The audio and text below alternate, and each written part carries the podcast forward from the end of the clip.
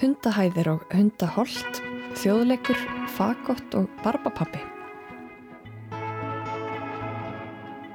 Við höldum í þætti dagsins niður í hverfisgaleri við Östurvöll og ræðum þar við myndlistamannin og listmálaran Guðmund Tórótsen sem að sínir þar ný málverk á síningu sem að opnu var á dögun og hann kallar hundaholt hundahæðir þarna koma fyrir reykjandi hundar oft nokkuð suppulögir en samt eru þetta kannski frekar landslasmálverk þegar öllu er snúð á kolf Hlustendur heyra einnig af verkefninu Þjóðleik sem Þjóðleikhúsið stendur fyrir en Björn Ingi Hilmarsson verkefna stjórið þess kemur og segir frá hvernig það verkefni lítur út í ár.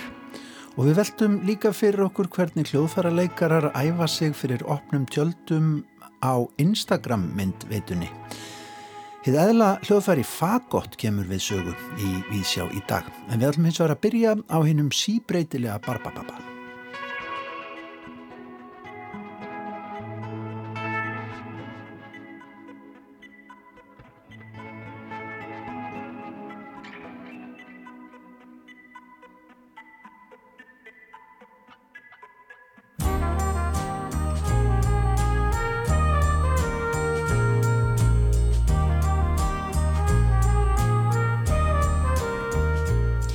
Sumar bókmyndir lifa svo margar kynnslóðir að þær fara að teljast klassiskar.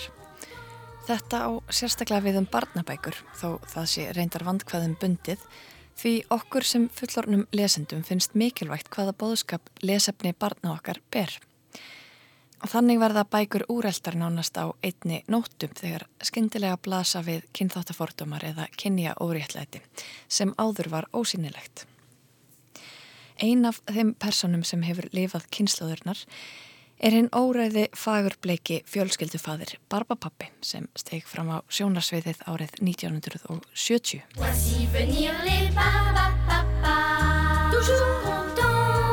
Ég hef undanfarið misseri lesið og sungið og púslað og teiknað og prentað út myndir og litað og gert eiginlega allt sem hægt er að ímynda sér sem á einhvern hátt tengist þessari margleituðu fjölskyldu Barbapappa. Tveggjar og dóttir mín er nefnilega algjörlega heitlið af henni. Svo hugfangin reyndar að þegar hún situr á barnastólunum aftan á hjólinu mínu, rópar hún nöfn fjölskyldumedlemana í gríð og erg þegar hún sér samsvarandi liti í umhverfinu. Barba fín, barba fín, barba þór, barba ljóð. Nefna reyndar á sænsku þar sem hún hefur hort á þættin á því tungumáli. Barba fín, barba stark, barba bók. Eins og gerist með áhuga mál yngstu barnan á heimilinu smitast þau yfir í heilabú hína fullorðina og barbafjölskyttan hefur ásátt mig í hinnum ymsu formum. Hvað tákna þau raunverulega? Hvað vilja þau? Barbapapa est au rose, rose, plus rose qu'une rose, rose. Barbamama est plus noire, plus noire qu'une rose noire. Barbie du est jaune, jaune. Eins og þið viti líklega, kæru hlustendur, er eðli barbapappana að breyta um lögun og aðlaga sig aðstæðum.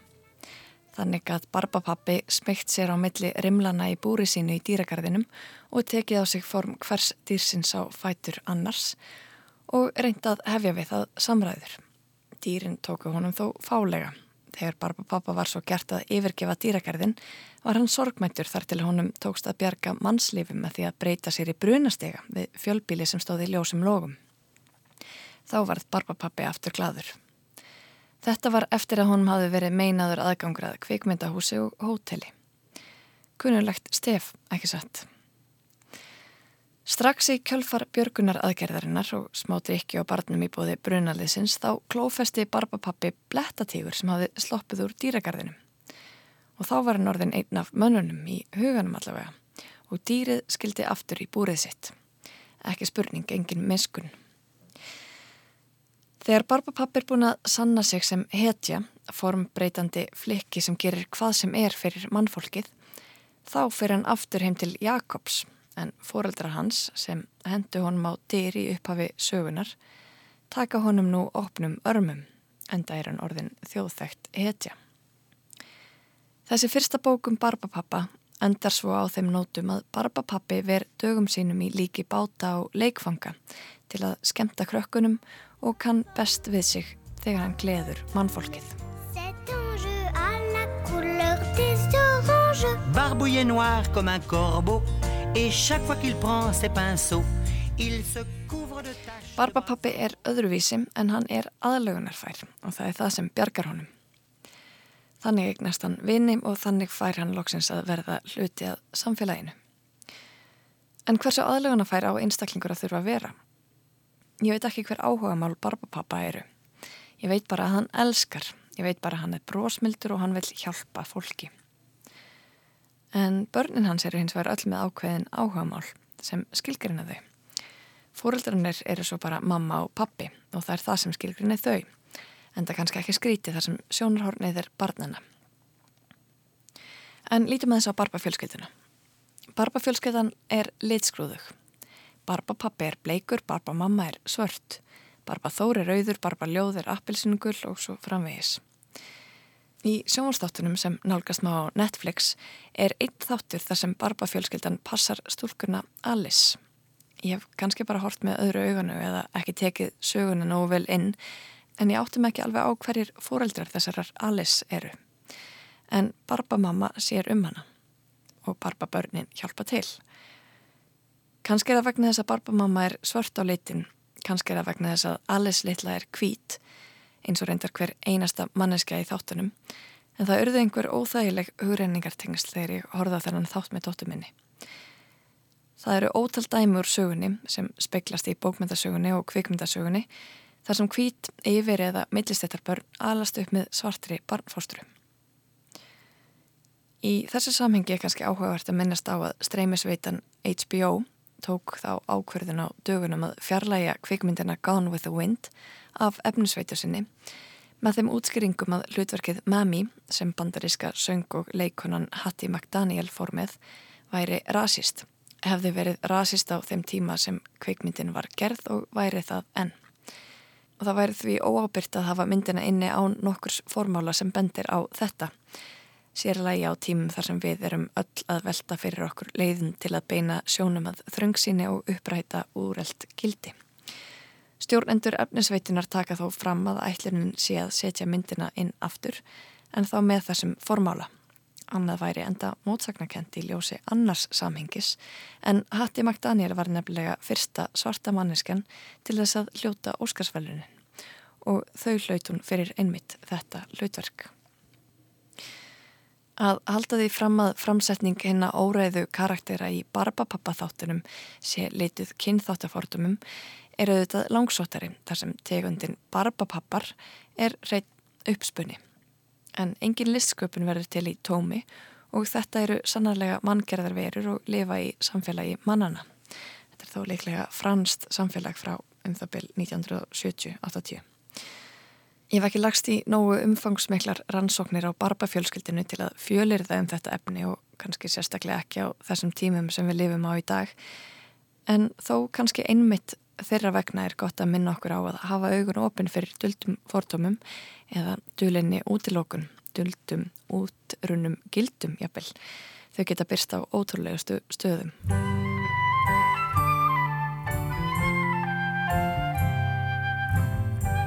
En við skulum skoða heteronormatífu barbafjölskylduna aðeins nánar. Það er áhugavert að þrátturinn nokkuð kynlaust útlitt sé barbafjölskyldinu skýrt skipt upp í tvö kyn.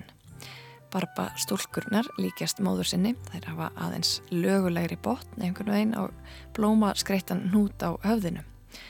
Barbapiltarnir eru svo einhvern veginn klessulegri eins og pappi sinn. Mér finnst erfitt að líta fram hjá því hvernig höfundur kýsað setja barbabörnin fram eftir kyni. Í þátturnum eru piltarnir oftar í aðalutverki þegar hafa frumkvæði og glíma við allskins erfiðleika oft tengta sjálfsmyndinni. Stúlkurnar eru svo frekar á hliðalínunni og eru eins og þáttakandur í sögu annara. Líka kunnulegt stef. En öll eru börnin breytileg, aðlugunarfær eins og fóreldrarnir að þráttur að þau séu uppátækja sem líka. Það er fallegt að sjá hvernig barbamamma setur skýrmörk en flissar svo með sjálfur sér í einum þættinum og segir Ó, hvað ég á stríðin börn.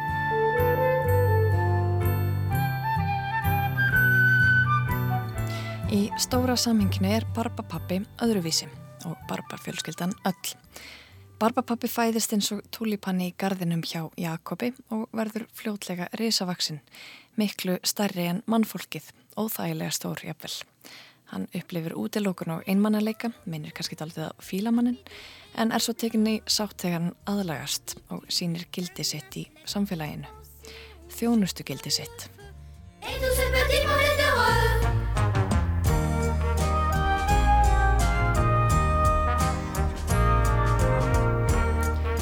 Fullorðið fólk sér bóðskapi í barnabókum. Sögurnar um barbapappa taka reyndar á alls konar málefnum, dýra og náttúruvernd, útilókun, einmannarleika, þunglindi, gildi, listrens, frelsis og svo mætti lengi telja. En grunn hugmyndin um barbapappa, tegundina og eðli hennar er kannski eitthvað sem mætti setja spurningamerki við því þótt að sé gott og gild að vera gladur og hjálpsamur þá er alveg spurning hversu aðlöguna fær einstaklingur á að vera og hvers vegna verði barbapappa í samfélagi mannana og jafnvel hans eigið sjálfsmatt verðist engungu eða að mestuleiti byggja á hjálpsemi hans og aðlögunarhefni að hugmyndum annara. Dans la famille des barbapapa Viens avec nous chez barbapapa Il se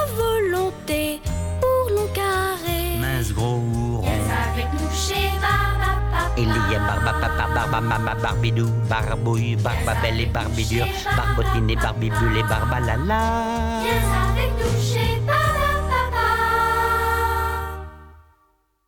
Hann er sestur hjá okkur Björn Ingi Hilmarsson, verkefnastjóri þjóðleiks í þjóðleikusinu í ár. Velkomin Björn Ingi. Takk fyrir, Kjella.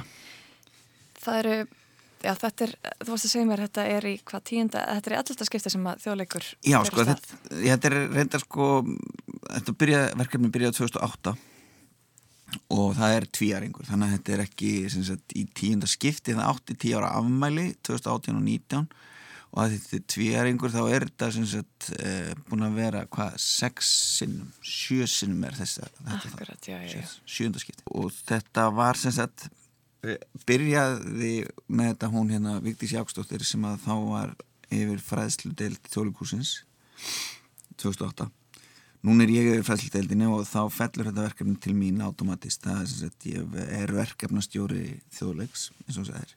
Og hefur þetta alltaf verið með sama sniði í, í, í ár var kalla eftir leikverkum og er það, er það venjan? Venjan er svo að fyrra ári þá hérna, eh, kalla maður eftir ef eh, velur er henni leikskáld og, og og það sem er kannski ofanlegt núna er það við þessi leikskáld sem við veldum fyrst það voru, voru þrjúðar Álrún Örnólfsdóttir og Hildur Selma Sigbertsdóttir og hérna Mattias Tryggvi sem Mattias Hattari eins og allir kalla hann. Og svo kom upp í hendunar á okkur hérna e, strákur sem að sendi inn leikriti í leikritarsamkeppni barnaleikritarsamkeppni þjólikúsins Já. og þar var eitt verkefni eftir ungan höfund sem heitir Egil uh, Andrason Egil Andrason uh, ég held að ekki náttúrulega bara 19 ára. Og það var alveg bara svona kjörið verkefni í, í hérna þjóðleik, passaði mjög vel og, og hérna við ákváðum að að hérna leifa honum, gefa honum takkifæri til að vera með líka. Hann, þetta er svona nánast fullskapa leikrið hjá honum en þannig að hann en þetta er þannig sem við veljum höfundana þeir hérna byrja að skrifa núna og svo skila er þessum leikverkum í oktober og þá fer fram kynning. Þá koma allir þeir sem að ætla að vera með í þjóðleik og sem leið, ætla að vera leiðbennendur í þjóðleik. Þeir koma í þjóðleikúsið eina helgi og þá eru verkinn kynn þá koma höfundarnir og kynna verkinn og, og svo förum við svona aðeins yfir bara þetta ferli ef einhver eru að koma nýra en þetta er þú veist það er fólk sem er búið að vera með allan tíman. En hvað, hvað þýðir að vera leiðbennandi í þjóðleik? Það þýðir einni það, þá hérna ert þú, segjum svo að þú ert kannski listkennar í einhver skóla og þú kennir leiklist að þú ert þá með einhvern hópabötnum og ákveður að taka þátt í þjóðleik og þá hérna velur þú eitt af þessum leikundum þegar þú ert búin að fara á þessa kynningu og fer svo heim í heimabygð og eh, byrja bara í raunin að æfa leikaldið og vinna hérna, þá vinnu og svo hérna, er það yfirleitt þannig að það er sagt, eitt tækni námskeið sem að þjóðlugúsi hérna, sér um eða verkefnastjóri sem er þá ég í þessu tilviki. E, og það er yfirleitt svona eftir áramóntin þá förum við út á land og þá koma þeir krakkar sem ætla að vinna tæknivinnu í síningunni ljós og hljóð og leikmyndabúninga og leiðbeinandinn aftur. Og þá erum við með svona helgarworkshop það sem að hérna, það sem við förum í svona grunnþætti í, í ljós og hljóði og leikmyndabúningum Ég kannski var ekki ná að skýra upp að við, það eru kannski einhverju hlustundur sem vita ekki bara konseptil þjóðleikur. Já. fyrir, af því nú, nú kemur inn, það komin krakkar sem að sjá um, um ljós og, og Hljó, já, hljóð. Hva, hvaða krakkar eru þetta? Sko þetta er krakkar á aldinum eh, þjóðleikur er verkefni sem að hérna, þjóðleikur sér rekur eða gerir sérum til þess að ebla áhuga ungs fólks út á landi á leiklist. Og þegar Vigdís byrjaði með þetta þá eh, horfur hún aðeins til Englands að því að, að í upphafi eh, þetta er svona svipaverkefni til og er, er reikið af National Theatre í, í, í hérna London. Og það er sem sagt þá er þetta til þess að ebla áhuga ungsfólks á leiklist og til að í rauninni og automatist á eblu við íslenska leikritun. Af því það eru þú veist búin að vera skrifa fyrir þjóðleik frá því að þjóðleiku byrjaði rétt um 20-25 leikskald Einmitt. En verkefni gengur semst út á það að ebla áhuga ungs fólks af aldunum 13-20 á leiklist. Og þetta er svona, þetta er svona í rauninni kannski að það sé til valmöguleiki fyrir, fyrir krakka eða ungt fólk sem er ekki endilega eh, í íþróttum. Það, það er einhvern veginn, það er nóg að gerast þar. Og þá er svona einhver kannski hópur af fólki eða ungu fólki sem að kannski hefur ekkert að leitað í. Og þá er þetta að hugsa sem valmöguliki fyrir það. Og svo er þetta bara sagt, ég vonast til þess að þetta verði einhver tíman og ég vonast til þess að til dæmis að núna sé mentamálar orðin að hlusta og það sem ég er að segja. Og þetta verður bara hluta af allri listkenslu í grunnskólalandsins. Að því að það að, að, að taka þátt í leiklist er svo valdeflandi fyrir unga krakka. Mm -hmm. Hvernig hafa viðbröðin orðið? Nú er þetta, nú er þetta tí ára Rúmlega? Já, rúmlega tíu ára, sko, það er alltaf og mér þykir svo vendum þetta verkefni líka, mér langar til þess að, að hérna, stækka það. Þannig að verði fleiri og fleiri, þetta er yfirlega svona e, millir 30-40 hópar á landinu sem að taka þátt. Og, og það er líka sko annað í þessu, þú veist, svo eins og ég var að segja hann, svo fara leiðbennindinir aftur og svo er þetta tæknanámskeið og svo endanum verður frumsýning í, í þeirri heimabið, í, í því byggðalagi þar sem þetta er gert og svo vorin þá er svona þá er svona, við, það kallar þjóðleiksháttíðir þá er kannski allir sem taka þátt í þjóðleika á Suðurlandi sapna saman yfir eina helgi á eitt stað. Og það kannski koma 10-15 hópar eða eitthvað sína síningarna sínar fyrir hvort annað. Og þá er komið svona vettfangur e, það er svo skemmtilegur sko vettfangur fyrir því að þá eru þau ofta að spegla sína síningu í annari síningu á sama leikverki og þá einhvern veginn og þá sjáðu til dæmis að það er að fara kannski allt, allt að það er að leiðir heldur en þau fóru og það verður til svo skemmtilegu vettfangu til þess að tala saman um leiklist. Um mitt, og það geta alveg eins með það sem að sjá bara alveg nýja möguleika. Já. En þessi leikrit sem eru skrifuð Já. í þessum tilgangi, hvað verður svo um þau? Svo eru þau til, bara þau eru þú veist, ég er búin að vera við bandalegi þau fara þar inn á það, bandalegi íslenska leikfélagi sem eru svona áhuga leikfélagi þau halda skrá yfir öll íslensk leikrit og þetta verður þanga en svo er þetta inn á heimasíðinu okkar og það er, það er sagt, þau eru bara til notkuna fyrir hvert sem er Og hafa þau öðlast framhaldslíf? Þetta til þess? Sko ekki það ég veit en svo er ekkert vist að ég fá að vita það sko. ég þarf ekki endilega að vita það en það getur vel verið mér finnst ekki ólíklegt sko. mm -hmm. og þegar við vorum með tíu ára ammali þá ákvaðum við að, hérna, að ráða ekki höfenda það árið heldur tóku við svona við völdum bara fjögur verk af öllu því sem hafi verið skilað inn. Við nótum þetta frá bara útlenska orð best of. Við heldum að, veist, að okkar viti þá völdum við bara svona þessum okkur þótti svona fjögur, bara mjög skemmtileg verk. Og var það byggt á, á reynslunni eða var það byggt á textanum? Það var rauninni bara svona, við lásum þau öll aftur og ákvæm bara ja, þessi og líka af reynslu sko, þau höfðu verið leikin mikið og, og bara þóttu góð og, og gaman að vinna. Eftirminnileg. Já En, en í ár er, er einhver nýjung, það er nýtt samstarf eða hvað? Já, sko, núna erum við til dæmis um, og, og að því er að hérna, ég veit að núna mentamálur hann er að hlusta Nei, það er svona, svona verkefni sem að mér langar til þess að hérna, öðlist svona þetta verið, verið alltaf maður að hérna, búa til peningi kringum þetta í hver skipti en að reyna að stabilisera það á einhvern nátt, gera það eins svona stöðugra þannig að núna fóru við í svona nokks konar samstarf. Þetta heita hérna, landsluta samtök sveitafélag þetta er svona menningafulltróður í hverju landsluta uh, sér samband sveitafélag og eftir ég svona við komum sem sagt á svona nokks konar samstarfi þessar aðla, núna er þjóðlugus í, í, í samstarfi við og við sótum um í, í Barnamenningasjóð í samstarfi við hérna, menningaminstu fljótstals hérað á Egilstöðum, Sláturhúsið Já, ummitt En erum líka með sko alla fulltrúa þessar landsluta samtaka þetta er alveg svona tungubrjótur þessar landsluta samtaka í hverjum landsluta leikverða Holmavík þannig að þetta er þjóðlugur búin að vera til svo lengi þannig að hérna núna er það orðið svona ofinbært og, og við fengum hérna góðan styrk úr barnamenningasjöði í fyrsta skipti sem er frábært þannig að og það er svona hluta til að þetta er samstarf sko sem er tegis og svo við, þetta er yfir all land Já, þetta hefur náttúrulega alltaf verið samstarf að veru já. Já. og það er bara svona í fyrsta skipti sem við einhvern veginn svona sækjum saman um í þennar sjóð allir þessir aðilar og það, það er það er líka svo skemmtilegt við þetta verkefni það eru, það eru börn allstar af að landinu sem að taka þátt. Og ég held að sé bara forréttindi að fá að stiðja svona verkefni. Mér já, finnst það sko. Já, ég bara hjartanlega samálaðir Björningi, en eh, nú er sem sagt vinnan að hefjast á þessum leikskaldum eh, allavega þreymur aðum þannig að einn sem er bara eiginlega búið með sitt verk. Skilafræstur skils mér eh, sé ekkert um hann í, í haust, oktober Oktober, þá verðum við með, eða líklega í síðasta helgin oktober, þá var það verkinn kynnt. Og þá er ég búin að kynna verkefnið aftur, þar að segja á svona landsvísu Já. og bara hóa sama fólki sem ætlar að vera með. Eh, Einn pæling bara svona praktisk út frá eh, sjónarhorni eh, leikskaldana mm.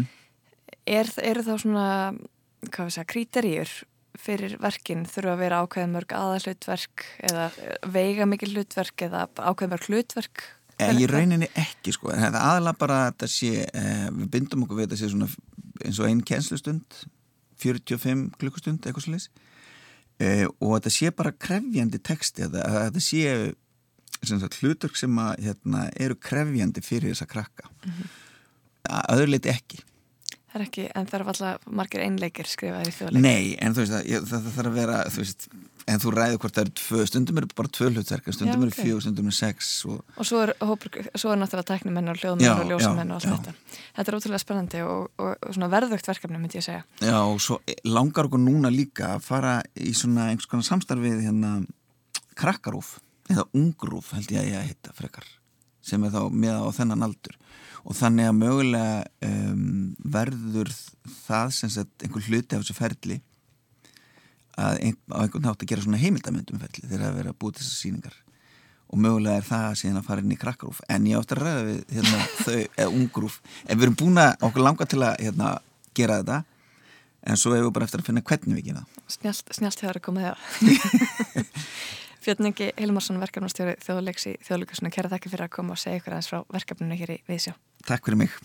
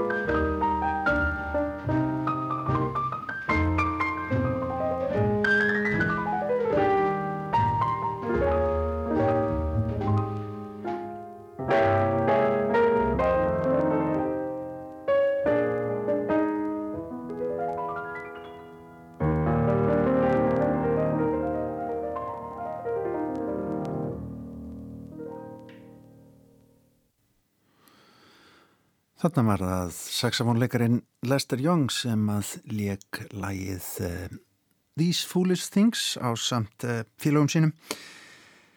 En það má geta þess að á Kaffi Rosenberg sem áður hétt Stofan og er staðsett á Vestugutu 3 á morgun mun uh, hljómsveit leika tónleika sem að tilengaðir eru Lester Young, þessum magnaða saxofónleikara sem alltaf var með hennan silki mjúka tenor saxofón tón sem við heyrðum þarna. Það eru Haugur Gröndal, Áskir Áskirsson, Þorgrymur Jónsson og Erik Kvik sem ætla að hylla Lester Young í, á kaffi Rosenberg annað kvöld. En áfram hugum við að hljóðfærum hér í Víðsjá.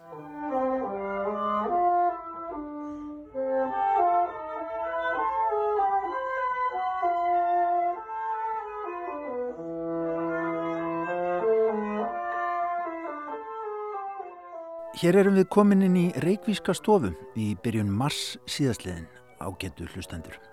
Þá sátu við tveir hljóðfærarleikarar og æfðu saman með hjálp tækninar. Það var fagotleikarin Bryndís Tórsdóttir úr Symfóníu hljómsveit Íslands heima hjá sér í stofunni og Björg Brjánsdóttir flautuleikari þá í sótt kví austur á Eskiferði flautandi í gegnum tölvuna sína. Tónarnir, suðrænir, eftir brasilíska tónskáldið Hector Villa-Lobos. Þetta var hluti af svo kulluðum heimsendingum Symfóníu hljómsveitar Íslands sem að veittu áhangandum sveitarinnar insýnin í líf hljóðfærarleikarana á meðan COVID var sem þjættast og allir voru heima að æfa sig. Og jú, lífið er stutt, listin er eilíf og heldur áfram fyrir rest, það má víst telja. Þessar heimsendingar Symfóníu hljómsveitar Íslands eru rifjaðar upp hér af því að í bandaríska vikutímaritinu New Yorker var um síðustu helgi fjallaðum slíkar æfingar tónlistarmanna og nótkunn þeirra á Instagram myndveitunni þar sem auðvelt er að öðlast insýn í æfingar hljóðfærarleikara þessa dagana. Greinin reyndar eftir klarinettuleikara snýrað stórum hluta að fagottinu því eðla hljóðfæri hljómfagra, langa og ávæla hljóðfæri með sinn djúpa, hlýja og viðarkenda tón. Fagott sem að heitir upp á ennsku Bassoon og því heitir grein klarinettuleikarans Jacobs Sweet Bassoonfluencers The World of Instagram Practice Accounts. Fagott áhrifavaldar heimur æfinga á Instagram. Og hér væri kannski betur við hæfið að nota annað heiti yfir áhrifavalda sem heyrst hefur og mér skilst að komi frá reytöfundinum Kristínu Helgu Gunnarsdóttur. En það er orðið flensa og passa kannski engar vel við þetta umfjöllunarefni. Þannig að þarna séu á ferð eiginlega fagott flensur en það er annar mál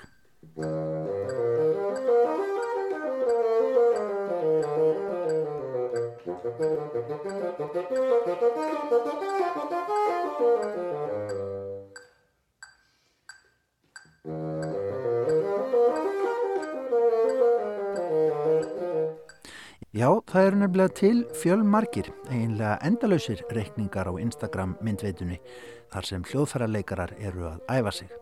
Til dæmis fagotleikarin Morgan Davison sem að New Yorker fjallar um og hérna æfir sig með taktmæli heima á sér en auðvitað líka á netinu. Þannig verður æfingin líka einhvers konar performance ef einhver vill. Davison sem er 22 ára meistaranemi við Juilliard tónlistarháskólan á sér 28.000 fylgjendur á Instagram og blæsi gríð og erg dag eftir dag í hljóðferri sitt nánast í beitni útsendingu. Varla eru 28.000 fagotleikarar að fylgjast með henni, þannig að þetta fer ansi víða. Vissulega fær Morgan Davison sem er ung og fögur kona fjölmarkar aðtúasemdir um einmitt það að hún sé ung og fögur en henni hefur tekist að kúpla sig frá því rausi öllu og fókuserar frekar á það sem að fylgjendur hennar hafa um æfingarnar að segja, tónlistina sjálfa. Hún fær nefnilega fullt af kvartningu líka. Ég byrjaði á þessu í einhverju djóki, segir Davison við New Yorker, en skildi fljótlega ekkert í því af hverju fylgjendum fjölgaði svona hratt. Og gæðin virðast hafa aukið pressuna Sjálf vildi hún góðan fluttning á upptökunum þannig að æfingunum fjölgaði til að ná góðri töku á því sem hún var að æfa í það og það skiptið.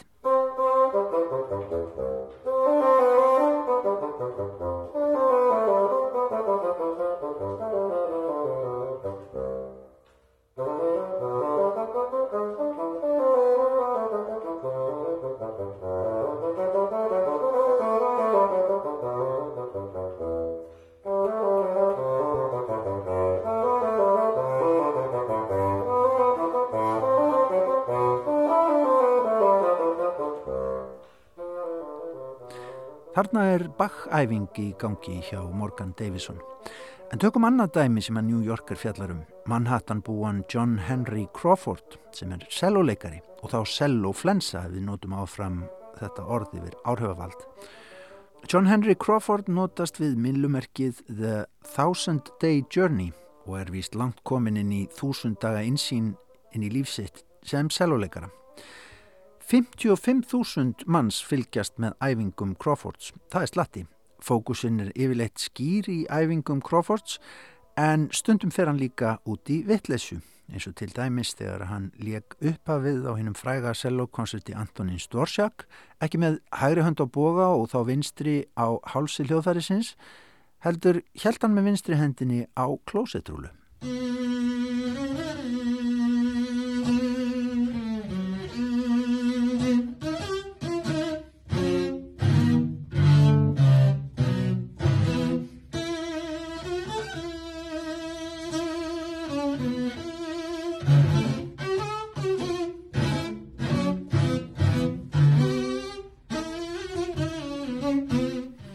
Gott grín, glottandi celloleikari, glottandi celloflensa þarna ferð John Henry Crawford.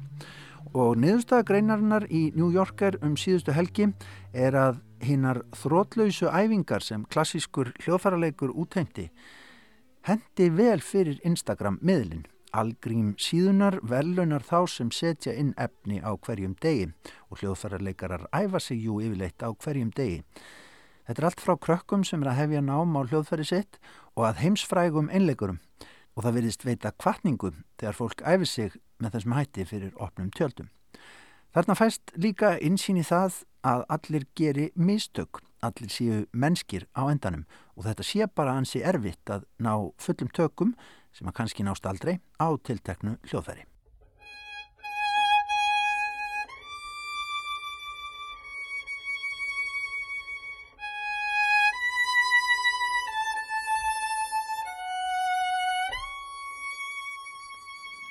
Og þarna var það heimsfrægur fyrirleikari Hillary Hahn sem var að æfa sig á hljóðfæri sitt á Instagram og hún er búin að gera það í mörg mörg ár. Man getur verið alveg uppfið fyrirluna hjá þessum fræga fyrirleikara og fylgst með hverju strókun. Það er alveg magna. En við ætlum að halda niður í miðbæ og hitta þar Guðmund Tórótsen myndlistamann sem opnaði síningu í hverfisgalleri á dögunum. Guðmundur, hvernig hefur þetta? Bara mjög gott, takk fyrir. Sólinn skín. Já. Við erum konar hérna í hverfisgallerið, þar sem þú vart að sína hvað í annarsinn ekki satt núna? Jú. Svona enga síningu. Jú, enga síningu. Þetta er þitt galleri? Já, hérna á Íslandi. Hér eru hundar. Ég hef séð hunda áður í, í verkunöðunum, meðal annars á síningu sem er í Hafnarfyrði, í Hafnarborg. Það er hundur okkur einasta verki. Mm -hmm. Nafni á síningun aftur? Hundaholt, hundahæðir hundahald og hundahæðir. Áttu hund? Já. Þið gerir vantum hann? mjög, mjög svo. Hvað heitir hann? Hún heitir Ylva. Hvern, hvernig hundur? Það er Shetland Sheepdog. Það er svona eins og lítill lassi. Er það hún sem er innblásturinn að þessum verkum? Nei, alls ekki. Hérna, um, hundanir í þessum verkum Þetta eru, ég held að maður ætti kalla á blóðhunda eða eitthvað svo leiðis, ef maður fær að flokka á eftir tegundum, svolítið svona teiknimyndalegur hundur með lavandi eyru, uh, minnir svolítið á teiknimyndahundin Droopy. You know what, I'm happy.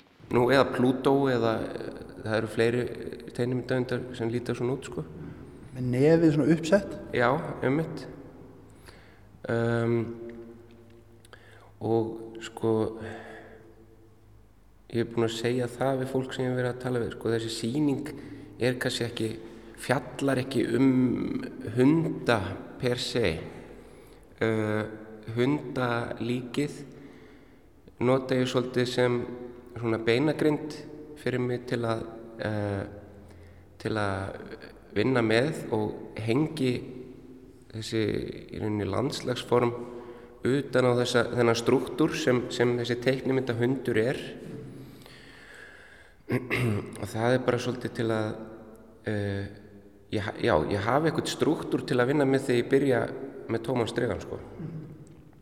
uh, en vissulega uh, eiga hundar svolítið stóran part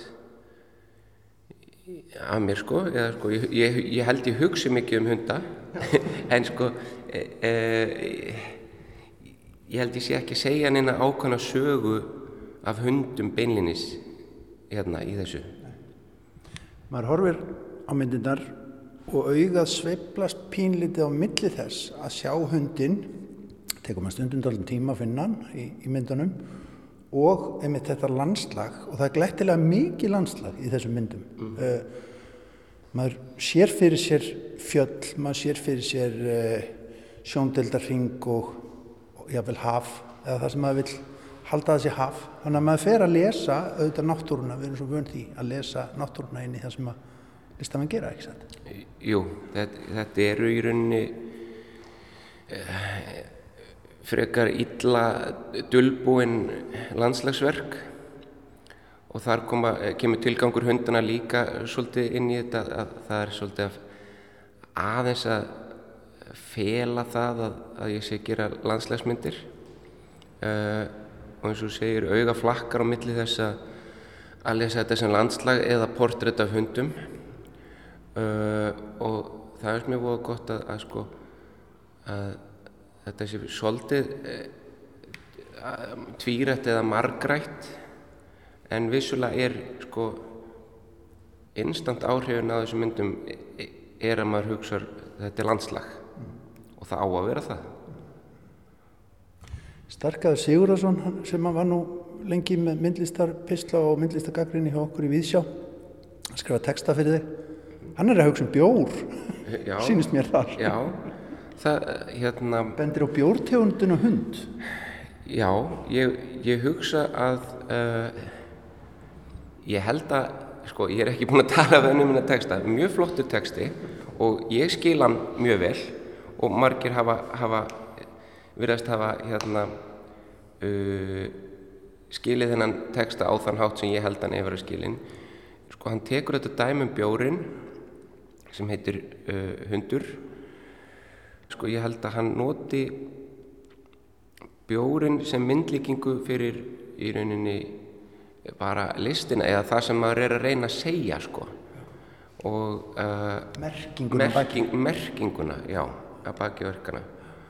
Og er að leika sér þar með sko hvort er þetta hundur eða bjór eða korugt eða bæði og, og uh, ég held að það eigi svolítið við um það sem ég er að gera sko e, einmitt. Ég Sýningin heitir Hundaholt hundahæðir og sýnir vissulega hunda og holt og hæðir en sko eins og ég segja áðan þetta er ekki beint um hunda. Þetta er kannski um málverki? Já, svolítið, einmitt að því að, að, því að hérna, ef ég er að nota þessa hunda sem grind til að hengja uh, landslagsform á og þessi form eru gerð með, með hérna, pensli og málingu uh, þá er ég í rauninni bara að leita mér að ástæðu til að, til að uh, búa til þessi form og liti og áferðir og fyrir mér fjallar þetta voðalega mikið um málingu og málverkið en uh, það er fyrir mig persónulega sko. Glýmur lengi við hvert verk? Það er misjáft um, þetta er svolítið þannig að þau ganga oft best þegar þau ganga hraðast þá sko og, og verð, þau verða best finnst mér þannig ef ég vinn þau á, uh, ágætlega hratt. Og, og þau, ganga, þau ganga hraðast í byrjun því að þá er maður með algjört frelsi um það hva, hvaða flötur fyrir hvar og hvaða litur er hvar á fletunum svo byrjaði að vera erfiðar og erfiðar og svona herðast svolítið sko snaran um hálsun á manni þegar maður er komið lengri inn í verkið að því að þá fækkar bara möguleikunum og þá það er fleira sem getur gert þá sem getur skemmt myndina. Eða ég verður svolítið svona uh, kvíðin yfir því sko að nú má ég nú alls ekki skemma hana því að þá þurf ég að byrja upp á nýtt og það tekur tíma og nenni því ekki. Svona passa sig að læsast einhvern veginn ekki úti. Já, akkurat, einmitt Sko eitt sem að maður veltir aðeins fyrir sér strax, þetta er allt, þetta er allt reykingahundar. Já. Ekki reykingamenn, heldur reykingahundar. Já, Þetta er með síkartu. e, uh, ekki allir núna, það voru held ég allir á, á síningunni í Hafnaborg en nú er það bara margir um, Það er sko bæði finnst mér að gefa þeim svolítið karakter það er svolítið gamaldags eins og þessi verk eru að einhverju leiti um, reykjandi svona einhverju bóhema hundar. Uh, það er nú ekki þessum verkum en það var áður þá fannst mér að gefa mig góða ástæðu til að setja reik form inn í myndina. Svona, það er aðeins öðruvísi það er svona ávalara og mýgra heldur en hinn formin svo er nú annað að þessar sígarettur er svolítið svona eh, kinka kolli til Philip Guston. Málarans, bandariska. bandariska málarnas ég held að hann, hann var uppi svona um síðustu öld. Hvort hann var enn að í kringum 70 eitthvað. Mann nú ekki hvernig hann dó sko. Síkaretan tengingin þar var hann reykingamaður mikill eða? Hvað? Þ- það held ég. En fyrir honum að ég nú ekki lesið eh, mikið eða, og það sem ég hef lesið það mann ég ekki en mín tilfinning fyrir síkaretunum þar hjá honum eh, er bara viss svona stemning sko og svolítið svona skít, skítug stemning kalla skítug kalla stemning. Sem að hérna, kemur fram í verkunum hans. já, það, já ég myndi segja hann að verið svolítið skítugmálari Eiginlega leið og segir það þá hérna kannski breytist upplifum hans aðeins af þessum hundum þegar þú fer að tala um skítu og kallastemmingu þeir eru kannski ekki alveg sko af því að þeir eru svona teiknumyndalegi þá fyrir maður að hugsa um eitthvað sakleysi. Já, akkurat sem er síðan kannski ekkit endilega þegar maður hérna svona horfið lengur. Nei, einmitt, þetta hérna ég hef oft átt pínu erfitt með að vera mjög alvarlegur og þess vegna gríp ég líka til þessara teiknumyndahundar sko, það, það er svona eh, það tekur aðeins brottin af alvarleikanum. En uh, það sem þeir eru að gera og það, sko, einhvern veginn hvernig þeir hegða sér, það er það er svolítið suppulegt oft. Og, og hérna kemur kannski svolítið úr því að í mörg áru var ég að vinna mikið með kalla og kallmennsku og líka samt á húmóriskan hátt ég gæti aldrei verið alveg fyllilega alvarlegur með það. Uh, og þessi, þessi uh, kallmennsku og kallastælar kallmennsku stemning og kallastælar hafa smitast svolítið út í þessi verk líka.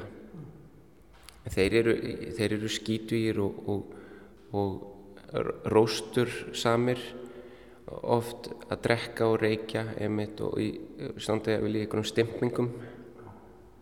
Glottandi hérna, skeppnur já, Eitt sem ég ræk augun í vegna sem ég var að fletta hérna lista yfir, yfir verkin og heiti verkana, þau, er daldið, þau eru oft aldrei ljóðræn og svona geða okkur dæmi um þau. já um, ljóðuræn verkið hérna baku okkur það heitir á eirunum það, hann er náttúrulega bara blindfullur þessi sko. Uh, og, og svo, svo er, er oft einhver svona einhver hugrenningatengsl að því að ég meina það eru þessi lafandi eiru á þeim öllum. Það er einhvern veginn bara, þetta er bara datt svona í hausinn á mér sko á eirunum, hvað er nú meira. Þessi hérna heiti Mugga það er að því að hún er svolítið svona skíuð sko hann er, og, og Mugga og það er önnu sem heiti Mók og það getur bæði átt við um svona veður uh, fyrirbreyði og, svona verið svona þókukent ástand og sko andlegt ástand viðkomandi. Þessi stóra, hvað heitir hún? Hún heitir Umkringdur. Hann stendur þannig umkringdur ykkur um ribböldum. Það er alltaf saga, það er alltaf pínlítil já, tenging yfir í það sem maður kannski svona vill tengja við þessa, þessa svona teiknimyndatilfinningu. Já, það sko mm, ég byrja myndirnar alls ekki ég hef engan titil í huga og ég, ég hef ekkit mjög ákveðna svona myndbyggingu eða sko í rauninni setja þær að vísu samt alltaf í sama form byggingalega séð. En sko ég veit ekki nákvæmlega hvaða hvaða sena uh, mun byrtast á, á stríðanum sko. Og þetta kemur mikið til eftir á ég gerir myndina og, og sé hvernig hún kemur út og svo kemur titillin bara eftir á. Það kemur bara svolítið eins og áhórandi sko eða síningagestur og horfa myndina og hugsa hvað hvað sé ég? Þá, þá gef ég þessu titla sko. Og þú hættir eins og kannski lýsir á þann svona þegar þú ert pínlítið múin að kom sér að læsast úti í myndinni? Já, eða sko eða, eða sko hérna, grunnkrafan að vera búið með myndina það er að vera búin að fylla upp í alla fletina. Það er bara einfalt það er bara þannig. Og, og hérna einstakar sinnum skilja eftir hvita fleti það sem hérna mér finnst uh, meg að vera hvítur eða skína í gegn. En, en oftar en ekki þekki þann flöt líka þá bara með hvítum lit. En, en hérna uh, og þær eru oft bestar myndirnar ef ég klára bara alla fletina og er ekki að vasast í henni mikið meira uh, en stundum þarf ég að koma aftur að henni setna og aðeins breyta og bæta Þannig að lægið, þú ert ekki með lagun og lagun og lag, mm. það er ekki þín aðferð? Nei, uh, mjög sjaldan. Einstakar sinnum set ég uh, eitthvað skona tón, oft hlýjan tón, svona uh, lagsableikan, annarkvört undir og læta hann þotna og gera svo flötin sem ég ætla að gera ofan á. Þá skín aðeins þessi hlýja í gegn. Eða ég hef líka sett þennan lagsableika svona þunna lagsableika filmu yfir alla myndina eins og þessi. Hérna, hún heitir uh, Róstur Róstur í kvöldsólinni. Og sko uh, Þetta ljóð, var ljóðrannan sem var vinna já, já, þeir eru, þeir eru þarna eitthvað að kýta og slást er það ekki Róstur? Jú, Róstur og, og hún er öll í þessum appi sinu gula eða lagsableika lit þannig að það minnir mig á, á svona byrtunni í kvöldsólinni Guðmundur að lokum, finnst þið gaman að mála myndir? Já, það er mjög skemmtilegt þegar maður er komin inn í það en um, hugmyndin um það að, að uh, þurfa að fara út á vinnastofu og vinna er stundum uh, er með stundum ofiða Þannig að þú kannski veist ekki alveg hvort þú er að mella með því.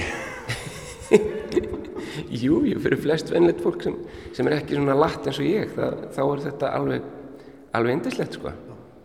Takk hella fyrir spjallir Takk sem leis Og þarna heitum við Guðmund Tórótsen myndlistamann listmálara í hverfisgalleri sem að staðsitt er neðst á hverfiskutinni um að gera benda fólki á að kíkja þar við og skoða hundana sem að reynast síðan eftir allt saman vera landslagsmálverk hjá Guðmundi. En dagskráni hjá okkur er lokið í dag í Vísjá. Á morgun ætlum að vera með hugan aðeins fyrir norðan heiðar á Akureyri.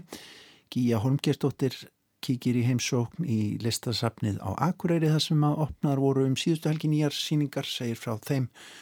Og við heyrum líka af stafrætni myndlist, Margret Elisabeth Ólafstóttir er að e, fara að tróma upp með viðburð sem er nú held ég aðal í nettheimum og er könnun á stafrætni myndlist. Hún segir okkur nánar frá þessu í þætti morgundagsins. Svo má nefna að í, að núna bara í lokvíkunar á förstu daginn, þá byrjar Ármann Jakobsson, íslensku fræðingur, að lesa njálu, takk fyrir kvöldsögu hér á Ráseitt og hann ætlar að segja hlustundum í Víðsjá aðeins frá sögunni í uh, næstu vikurnar líka og svona draga saman þeim hennar. Það er nú aldrei of já, hún er aldrei of lesin. Hún er aldrei lesin njála, nei, satt veru og góðu tími til að lesa hana á sömurinn þegar maður getur bröðið sér á njálu slóðir. Heldur veitur, En við sjá verður ekki lengri í dag. Við þakkum ykkur fyrir að hlusta. Verðið sæl. verið sæl